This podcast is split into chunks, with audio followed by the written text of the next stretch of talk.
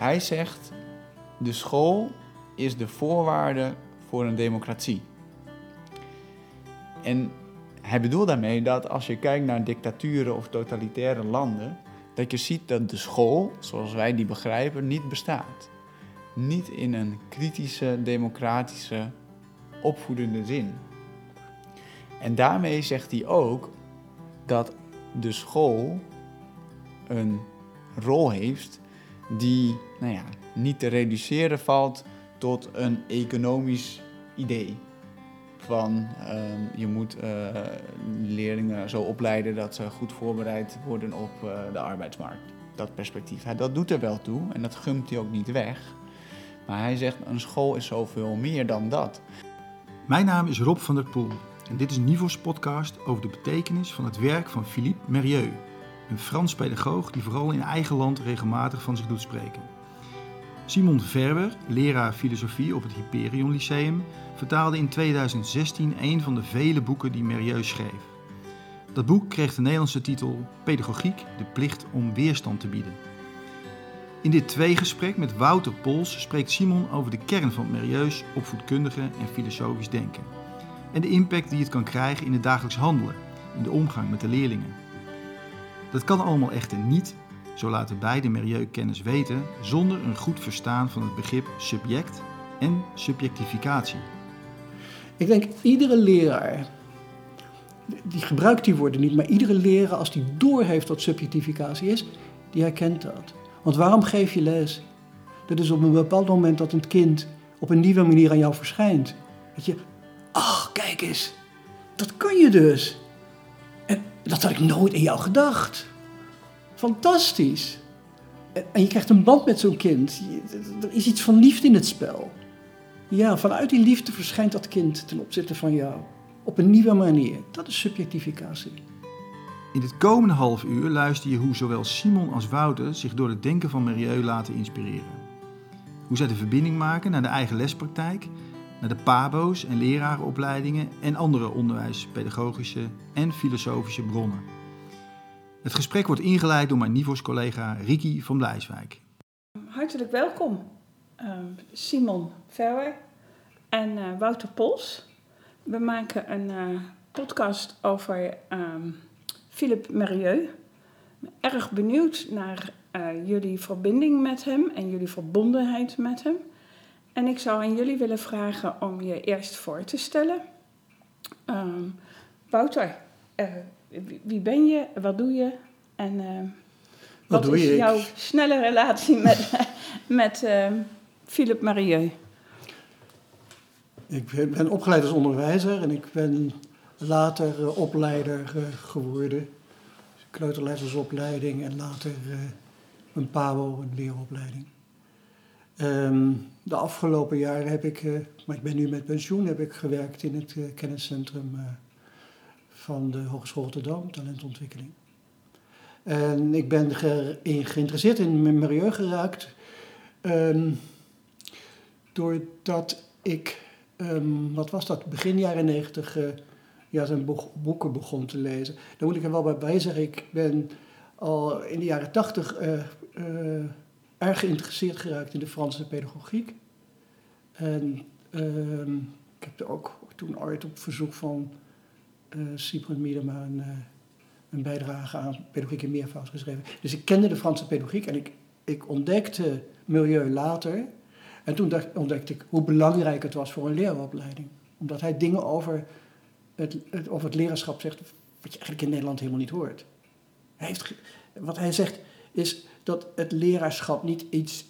Geen, je bent als leraar geen sociaal ingenieur. Het is geen maken. Het is eigenlijk voortdurend een avontuur, een, een, een, een zoeken wat het beste is. En je moet steeds weer op onverwachte momenten beslissingen nemen.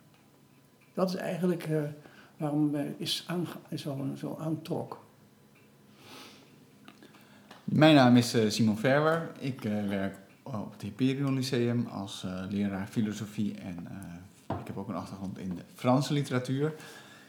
vanwaar ook mijn interesse in het, in het Franse denken over onderwijs en opvoeding. En ik heb mijn geheu leren kennen via het werk van Gert Bista. Um, ik heb ooit een recensie geschreven van het prachtige risico van onderwijs. En ehm, in dat boek gebruikt hij Merieux een aantal keer. En die zinsneden in dat boek maakten dat ik uh, toch eens verder ging kijken. Wie is uh, die referentie precies en uh, wat heeft hij nog meer geschreven? En ik kwam erachter dat Merieux een man is met een ontzettend omvangrijk oeuvre. En met een geluid dat inderdaad, zoals Wouter zegt, ja, in Nederland eigenlijk nog niet op deze manier gekend werd. En ik voelde ook sterk de behoefte om dan een vertaling te maken van één van zijn boekjes. En in samenspraak met een aantal mensen is dat dan geworden Pedagogiek de plicht om weerstand te bieden.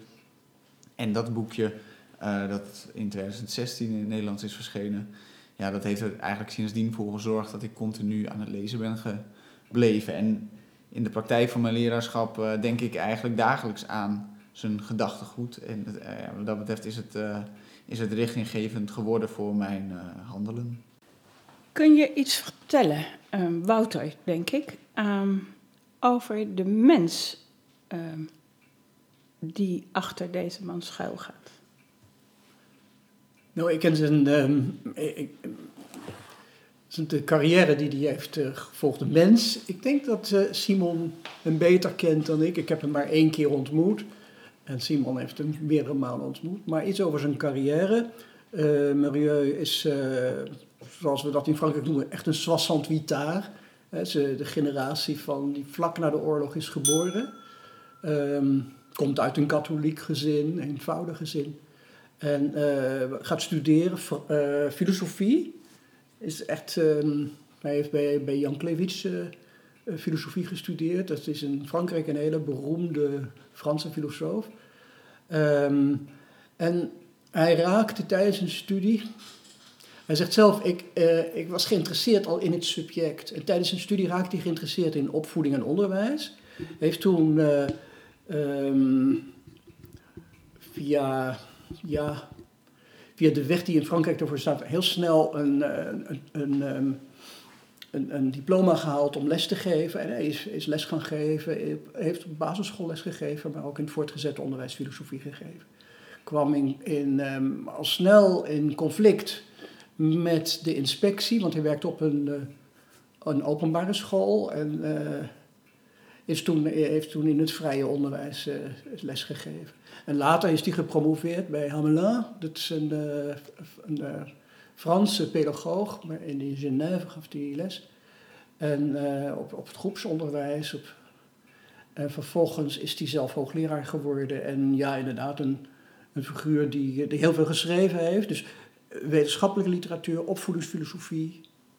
Uh, maar ook heel veel boeken voor, voor ouders, voor leraren. Heeft zijn allerlei publieke discussies gemengd. Veel discussies met filosofen op radio en televisie. En is inderdaad nu met, met emeritaat, maar hij bemoeit zich nog overal mee en schrijft en is heel actief. Het is echt de nationale Franse pedagoog. Iedereen kent hem ja, iedereen kent hem en uh, je haat hem of je houdt van hem. Zo is het dan ook wel weer. Um, hij kwam met zijn vrouw naar uh, Nederland toe, naar Nivos, met de boekvertaling. En dat was ontzettend leuk, want ik mocht hem ophalen op, op Schiphol. En ja, onderwijzers zijn wat dat betreft dan toch altijd onderwijzers, of ze nou voor de klas staan of daarbuiten zijn. Want vanaf het moment dat ik het ontmoette, voelde die toch ook als een leraar voor mij, als individu. heel warm, heel toegankelijk, heel begaan, heel betrokken. Uh, heel geïnteresseerd. Ik uh, heb hem ook rondgeleid op mijn school samen met zijn vrouwen. Uh, of, ehm, ja, die, die, die zelf ook weer iets in het onderwijs deed. En hij is nog steeds, hij is in de 70, maar hij is nog steeds ontzettend actief.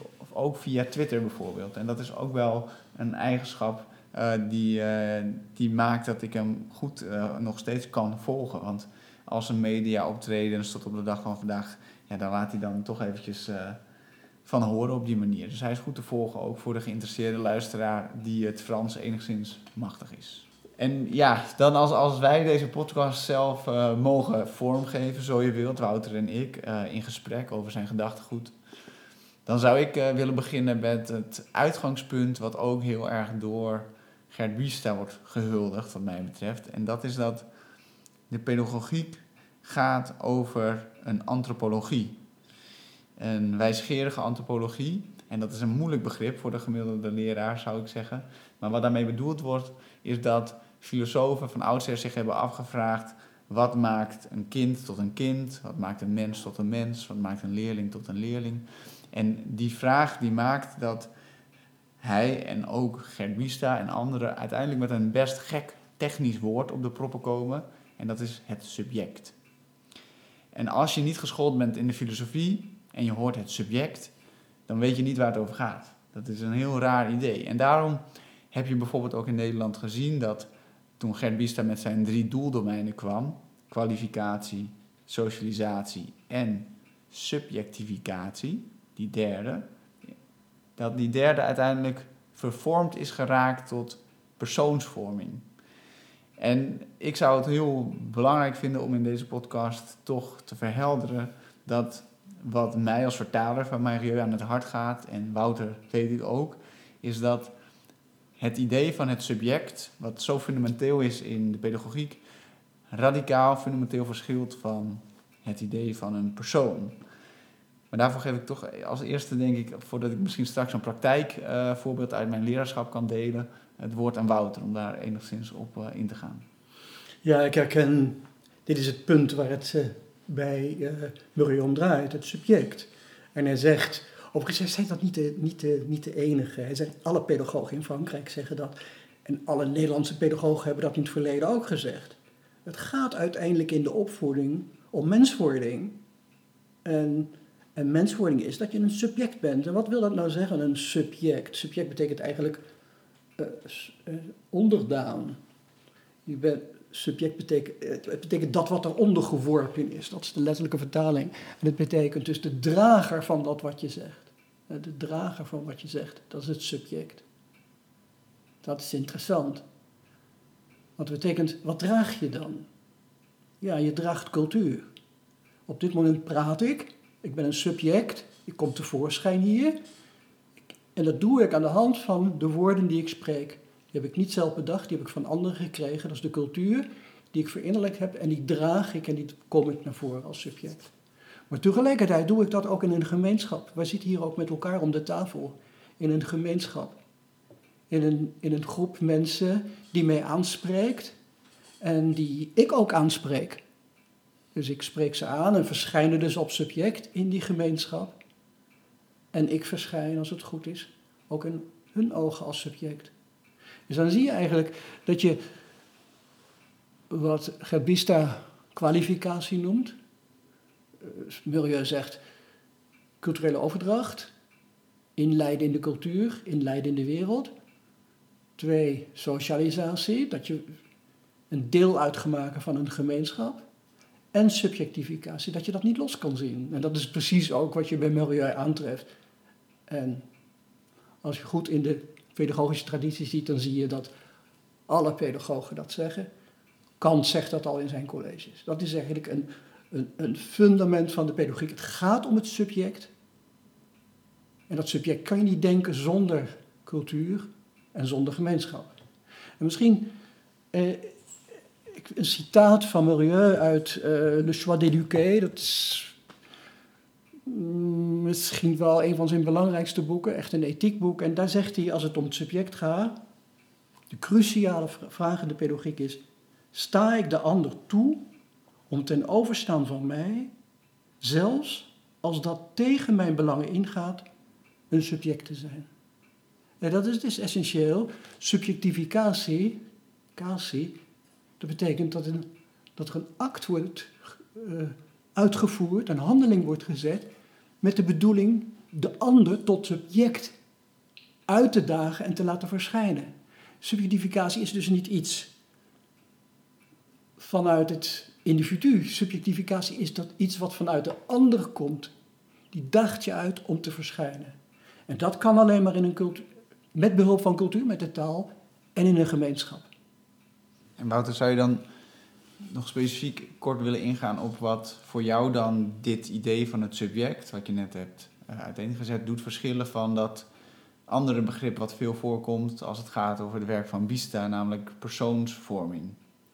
Ja, Gert heeft daar natuurlijk zelf het een en ander al over gezegd. Persoonsvorming, dat zegt het al, vorming van de persoon, Dat wil zeggen dat je je gaat gedragen volgens een model. Dat betekent dat je bepaalde.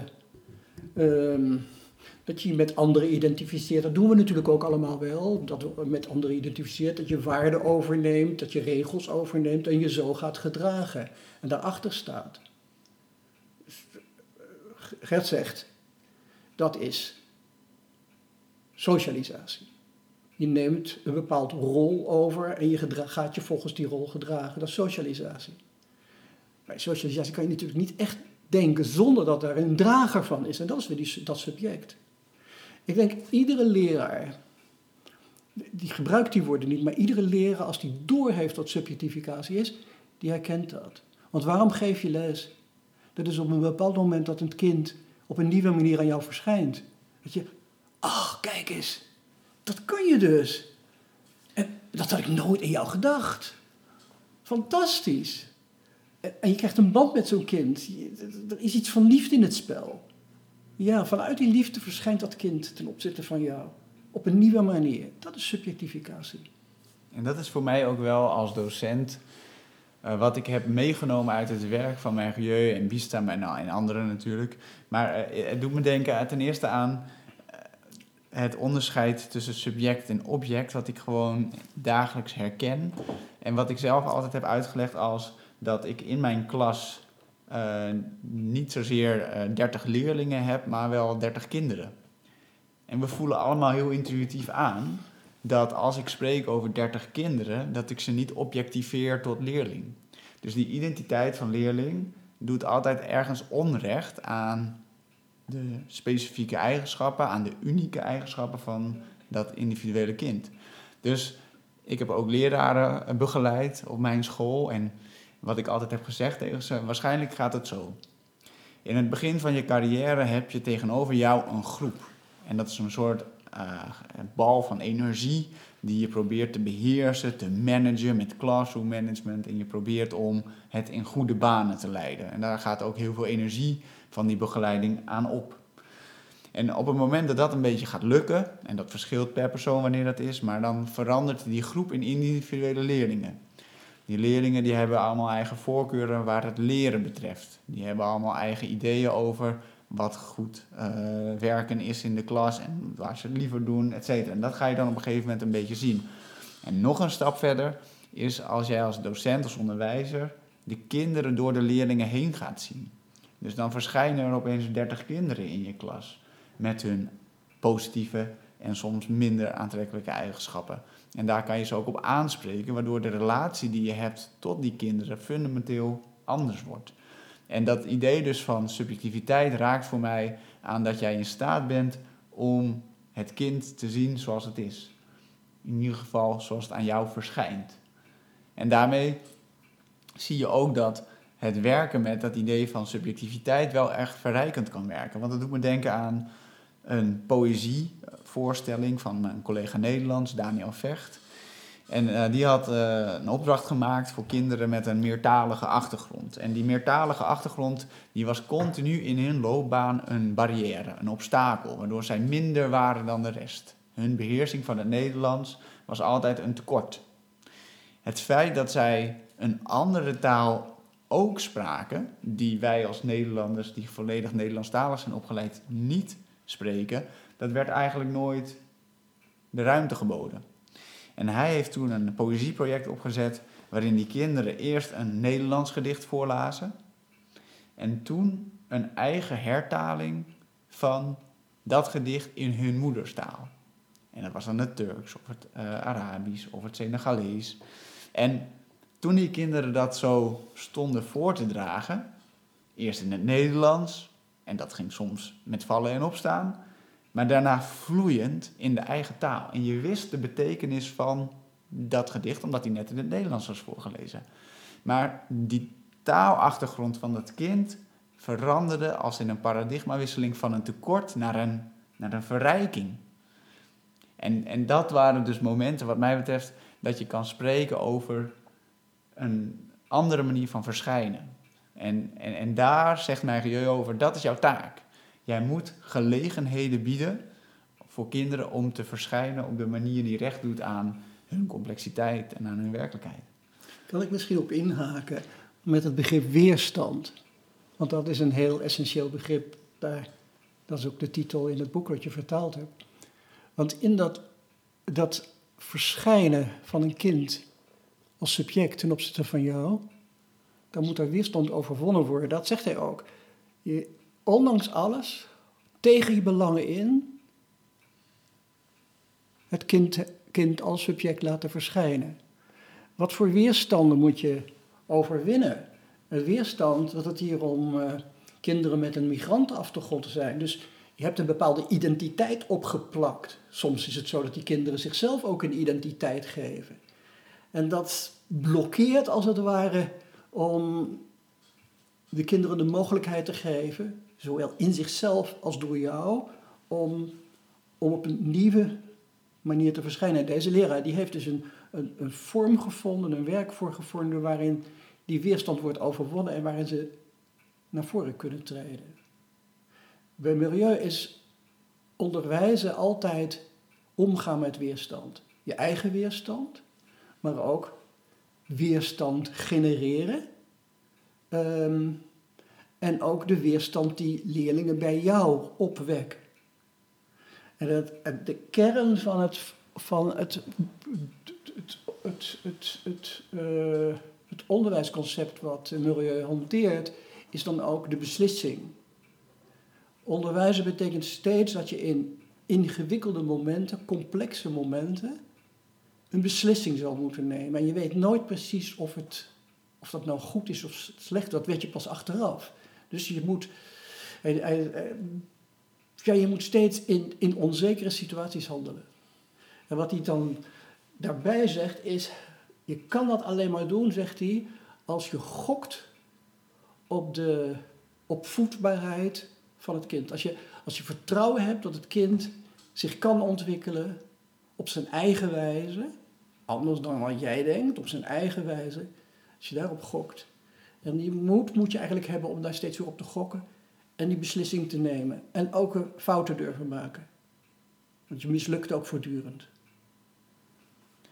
Dat is, dat, dat is een element wat je ook bijvoorbeeld terugziet in uh, het werk van andere pedagogen. Jo Berding heeft bijvoorbeeld in zijn boek uh, Ik ben ook een mens uh, over Kortzak en Dewey onder andere geschreven. Dat continu het beginnen met beginnen, Arend, dat soort referenties. En dat is al een, nou ja, een, een, een, groep denkers die als mensen deze materie interessant vinden, deze manier van spreken, zoals Wouter en ik nu doen dat zijn wel dan de boeken die je te lezen hebt en, en, de, en de bronnen die je te raadplegen hebt, wat mij betreft. En die zijn op een toegankelijke manier inleidend beschikbaar gemaakt uh, door, uh, door mensen, maar die zijn natuurlijk ook gewoon de bronteksten. En um, het doet mij ook wel denken aan een ander boek waar Wouter nu mee bezig is qua vertaling. Dat heet Frankenstein Pedagoog. Dat gaat over dokter Frankenstein. Dat is allemaal een heel beroemd figuur geworden natuurlijk. En dat gaat ook heel erg over dat idee van maakbaarheid. En in het werk van Marieu gaat het altijd over tegenstellingen. Op het oog onverzoenbare tegenstellingen. En een van die tegenstellingen hoorde ik net toen Wouter sprak. Namelijk aan de ene kant ben je altijd bezig met het opvoeden of onderwijzen van de ander. En dus die probeer jij toch enigszins te vormen naar jouw idee. In de wetenschap dat die ander vrij is. Vrij om zich te onttrekken aan dat wat jij probeert. En die vrijheid van het subject is ook dat wat mij altijd als docent heel erg uiteindelijk heeft geboeid. Het is heel irritant dat het geen robots zijn, maar onderwijs is mensenwerk. En de complexiteit van de werkelijkheid van onze menselijke ervaring maakt waarom het leraarschap zo'n mooi beroep is. En waarom ook heel veel docenten, we nemen dit op in de corona uh, situatie ook het gevoel hebben dat hun identiteit als docent aan het verschuiven is geraakt. Omdat uh, via die beeldschermen al die complexiteit en al die complexe beslissingen waar Wouter net over sprak, in één keer zijn weggevallen. We zijn toch een soort mislukte systemen van natuurlijke intelligentie die tegen een beeldscherm zitten aan te praten. Het is echt dat je af en toe ja, ja, moet je afkloppen. Dan moet je zeggen, ja, ik, ga me, ik heb me laatst ook heel erg opgewonden tegen een klas via dat beeldscherm. Als jullie nu niet iets terug gaan schrijven, dan ga ik ermee stoppen. En Erik Ex, een, een geschiedenisleraar, is een prachtige column. Want eh, er is veel aan de hand in de wereld. Black Lives Matter. Hij zou, ik zou zo graag in een klaslokaal over slavernij en de geschiedenis hebben gesproken. En uh, hij zei, nou dat doe ik dan nu maar digitaal. En hij, hij zei, in het echt was het een geweldige les geworden. Maar nu had ik hetzelfde verteld als wat ik in het lokaal had verteld. En wat ik terugkreeg was een vraag van een leerling. Meneer, heeft u nog iets belangrijks gezegd wat op de toets kan komen? en dus, ja, het is, om, het is om te huilen en te lachen tegelijkertijd. Maar het is wel recht doen aan de realiteit die het, die, die, die, die het docentschap zo mooi maakt. Dat is wel wat ik terugvind in het werk, eh, in het werk van, van mijn milieu. En wat nu in deze tijd ook wel, denk ik, steeds lastiger uh, is. En, en ja, goed, daar, daar zullen we uit moeten putten. Ja, het is grappig wat je zegt. Ik heb natuurlijk bijna 25 jaar als opleider uh, gewerkt. Ik heb zelf ooit de kweekschool gedaan. Um, dat was zo'n totaal andere opleiding dan vandaag de dag. Ik heb die, die, die, die opleiding steeds meer zien vertechnologiseren. Gedachten van wetenschappelijke kennis. We doen onderzoek, we doen wetenschappelijke kennis. En als we wetenschappelijke kennis hebben, dan hebben we de waarheid. En dan weten we hoe we kinderen kunnen laten slagen. En dat is de gedachte. Daar, daar voeden we onze studenten mee op dat het een leugen is. Want het is zo, de, de, de praktijksituatie is zo ontzettend onzeker. En ik vond het heel grappig, omdat ik in het begin, eh, jaren negentig, dus een recensie schreef over milieu. En dat heb ik daar al genoemd. Dus ik loop dat dus al um, 20, 30 jaar te roepen, eigenlijk in, als, in, in een woestijn, zeg maar, van maakbaarheid. Want we hebben onze opleidingen, we hebben ook de orthopedagogiek echt als een, als een alles moet maakbaar zijn. En het is niet maakbaar. Het is een, een ja, eigenlijk is onderwijs een heel avontuurlijke aangelegenheid. Ook geen, geen wetenschap, maar veel meer een kunst. Waar je moet aanvoelen en zoeken wat op een bepaald moment het beste is. Um, omdat, uh, ik wil nog één ding wel zeggen over die opleidingen. Want uh, dat is, ik vind dat de lerarenopleiding altijd te streng worden aangepakt. In de zin van dat ik heb twee keer zelf een lerarenopleiding gevolgd. Um, en ze worden zowel onderschat als overschat. En daarmee bedoel ik dat ze worden overschat wat betreft wat ze zouden moeten kunnen realiseren en aan het begin van de loopbaan van die leraar.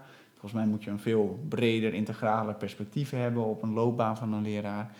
En tegelijkertijd worden ze ook wel onderschat in dat wat je meegeeft aan het begin, dus niet als dat zijnde af, maar wel welke paden kan je gaan bewandelen. En dat dit pad, het pad van de pedagogiek, dat dat een pad is wat weinig meer aangereikt wordt. En wat nog weinig als vorm van expertise wordt uh, verdiept. En, en dat zou ik leraren in opleiding en leraren toch wel gunnen. Dat die hele rijke bibliotheek van wetenschap in de zin van pedagogische wetenschappen.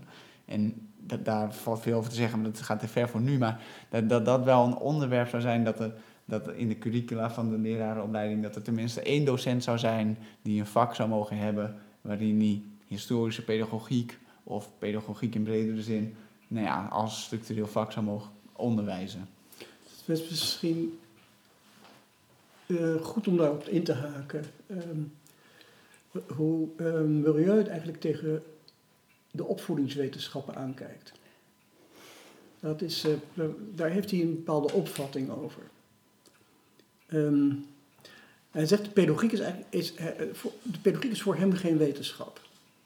De opvoedingswetenschappen, psychologie, onderwijspsychologie, onderwijssociologie, um, onderwijseconomie, zijn allemaal wetenschappen.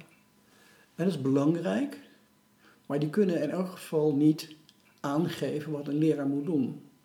Hij zegt, een leraar heeft een, dat noemt hij een doctrine nodig. Een, ik zou zeggen een praktijktheorie of nog simpeler een pedagogische kaart heeft hij nodig. En hij zegt, die doctrine bestaat uit drie delen. Natuurlijk heb je wetenschappelijke kennis nodig. Prima. Maar ga niet denken dat die wetenschappelijke kennis jou kan voorschrijven wat je moet doen. Dat is onmogelijk. Wat je ook nodig hebt is een visie, een perspectief, zijn doelen, een perspectief op lange termijn. Dat kan de wetenschap niet geven, dat kan de filosofie ook geven. Of de theologie, kan dat ook. Je hebt richtinggevende idealen nodig. En wat je nodig hebt is ook uit de praktijk zelf allerlei praktijkvormen, lesvormen, instructiemodellen, allerlei instrumenten die je kunnen helpen om goed onderwijs te geven. En de leraar zal zelf via die, die, die doctrine, die pedagogische doctrine, eigenlijk zijn eigen kaart in elkaar moeten knutselen, dat hem leiding biedt, dat hem hulp biedt bij het, uh, bij het nemen van beslissingen die overigens altijd weer plotseling genomen moeten worden. Eigenlijk is die kaart, die, die, die, die pedagogische doctrine of die pedagogische kaart, dat is een hulpmiddel bij de voorbereiding van je onderwijs, maar ook achteraf als je reflecteert. En wat, je, wat in, op Pabos zou moeten gebeuren, is dat veel meer met de ervaringen van de studenten gewerkt moet worden. Moet worden en de studenten geholpen moeten worden met, om zo hun eigen pedagogische kaart te ontwikkelen en met behulp ervan over hun ervaringen na te denken. Ik uh, zit heel geboeid te luisteren naar jullie, uh, Simon en Wouter. En uh, ik vind het eh, heel grappig dat je net dat woord knutselen gebruikt. Want in een van jouw artikelen, Wouter, kom ik tegen de knutselpedagoog, de knutselpedagogiek. En je lichtte dat net heel erg toe. Um, bij, bij, bij, ik zit nog met een vraag als het gaat over Marieux. Uh, wat, heeft, wat is in zijn ogen goed onderwijs? Wat is een goede school? Ik, valt daar nog wat over te zeggen vanuit het gedachtegoed van Marieux? Ja, Ricky, je stelt me een vraag. Uh, de beste man heeft uh, eh, 40 boeken geschreven. ik denk dat ik er een stuk of tien heb gelezen. Hij heeft nog meer artikelen geschreven, hij heeft nog meer media optreden. Um, en zijn stijl is niet heel systematisch, zou ik durven zeggen. Uh, het is wel heel Frans in de zin van dat op zichzelf zijn die boeken heel erg structureel uh, geschreven, maar zijn pedagogiek zelf is ook een doctrine.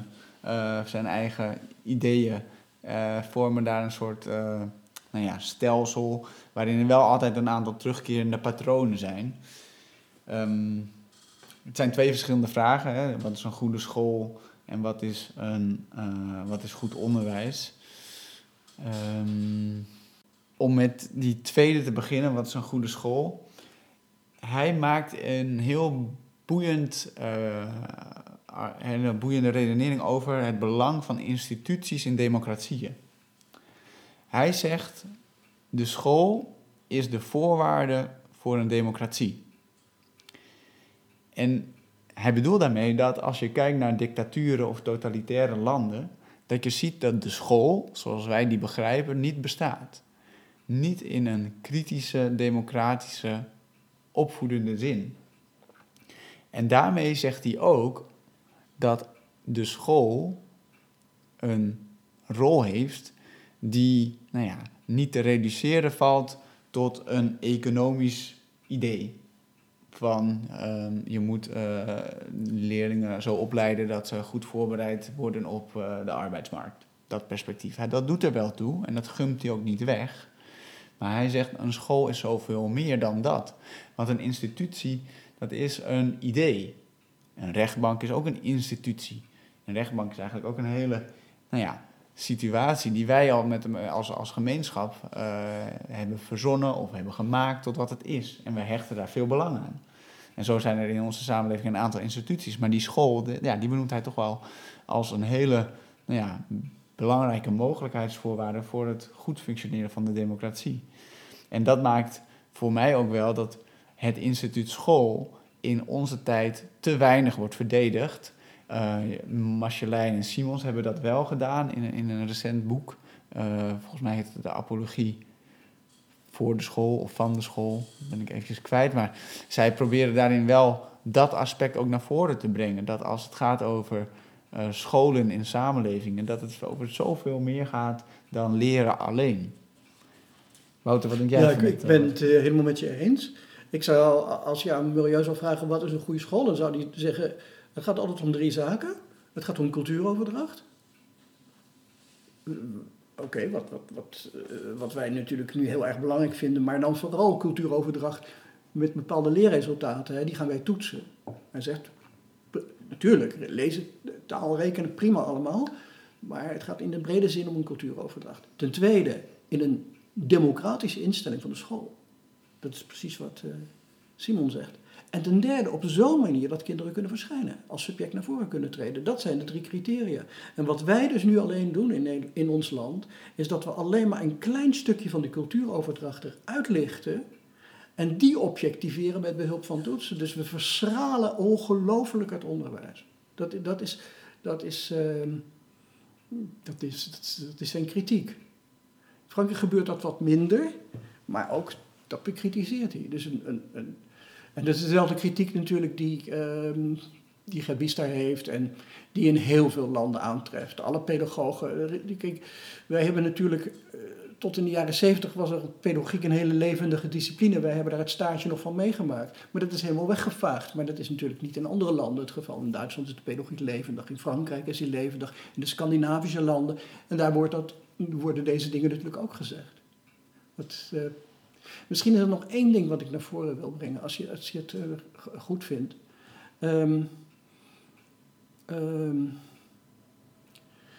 Milieu die, die, die zegt dat je wel wetenschap nodig heeft als een soort achtergrondkennis, maar dat de praktijk uitermate complex is. Dat hebben we al na- naar, naar voren gebracht. Hij zegt dat die praktijk alleen maar uit een groot aantal tegenstellingen bestaat. En bijvoorbeeld, er is een tegenstelling aan de ene kant wil je je groep bij elkaar houden en ze aan die groep een, een, een, een, een, basispakket aan kennis overdragen. Dat is wat wij in onze klassikale school doen. En dat moet je ook zoveel mogelijk doen om, om zoveel mogelijk kinderen mee te brengen. Maar tegelijkertijd moet je ook differentiëren en verschillen. Recht doen aan verschillen en oog hebben voor verschillen. Zo zegt hij, aan de ene kant gaat het in, op- in het onderwijs om continuïteit, om voortgang. Maar tegelijkertijd gaat het om breuken, om nieuwe dingen die je doet. Zo zijn er voortdurend die, die tegenstellingen die, waar je mee, ja, waar je gewoon een beslissing over moet nemen. Wat ik ook zo'n mooie tegenstelling vind, is dat hij zegt, in de opvoeding gaat het aan de ene kant om dat je afstand neemt en dus nadenkt. Eventjes een soort tussenstap inbouwt.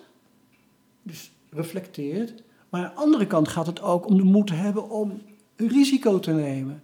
Het zit vol tegenstellingen die niet te verzoenen zijn en waar, te- waar je mee moet leven. En dat is ook de leraar die in die complexiteit steeds zijn beslissingen moet nemen. Dankjewel, Wouter. Ehm, en eh, Simon, ik, ik denk dat we langzaam maar zeker ehm, eh, naar het eind van de podcast eh toe gaan. Ehm, en, en een heel interessante podcast, ehm, waar jullie veel verteld hebben over eh, de betekenis van milieu. eh, nu, in het hedendaagse debat. Ehm, voordat we gaan afsluiten, wil ik eigenlijk wel zeker weten of jullie niet alsnog iets willen zeggen waarvan je denkt. Aan het eind van de podcast over milieu hoort dit er toch ook nog bij. Dat hebben we niet aangeraakt. Is dat, is dat het geval? Dan zou ik je de microfoon willen geven. Eh, Simon?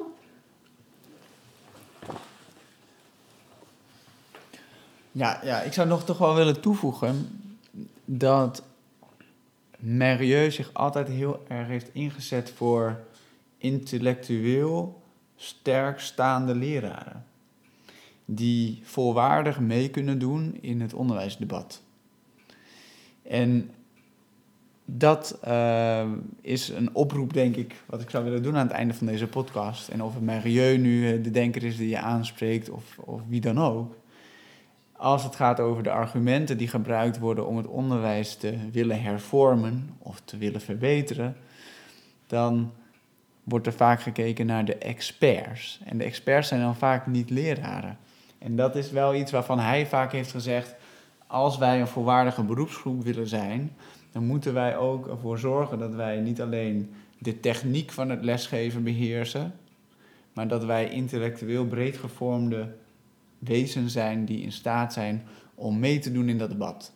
En um, nou ja, wat dat dat, dat, dat is wel een, een soort emancipatoire geluid wat, wat leraren betreft, wat de luisteraars van deze podcast zou kunnen betreffen, die, die ja, waarvan ik denk dat is toch wel goed om te noemen. Daar sluit ik uh, natuurlijk van harte op aan. Um, lezen, praten met elkaar, in gesprek zijn met elkaar. Um, op niveau zeggen we heel vaak legitimeer wat je doet, waarom je het doet. Er komt een inspecteur binnen en jij bent degene die vertelt hoe en wat en waarom en repliek kan uh, uh, geven. Um, dus um, ik sluit me dus van harte daarop aan. Ik dank jullie ontzettend voor dit mooie gesprek. En ik hoop dat het uh, heel veel van onze luisteraars inspireert. Dank jullie wel. Je luisterde naar een podcast van Stichting Nivos, dat leraren en schoolleiders sterkt bij de uitvoering van hun pedagogische opdracht. We doen dat langs vier pijlers: Nivos opleidingen, Nivos podium, Nivos platform het kind en de Nivos denktank. Wil je meer onderwijspodcasts horen? Sluit je dan aan op ons eigen podcastkanaal, dat ook via Spotify en Apple Podcast is te volgen. Of bezoek onze website www.nivos.nl.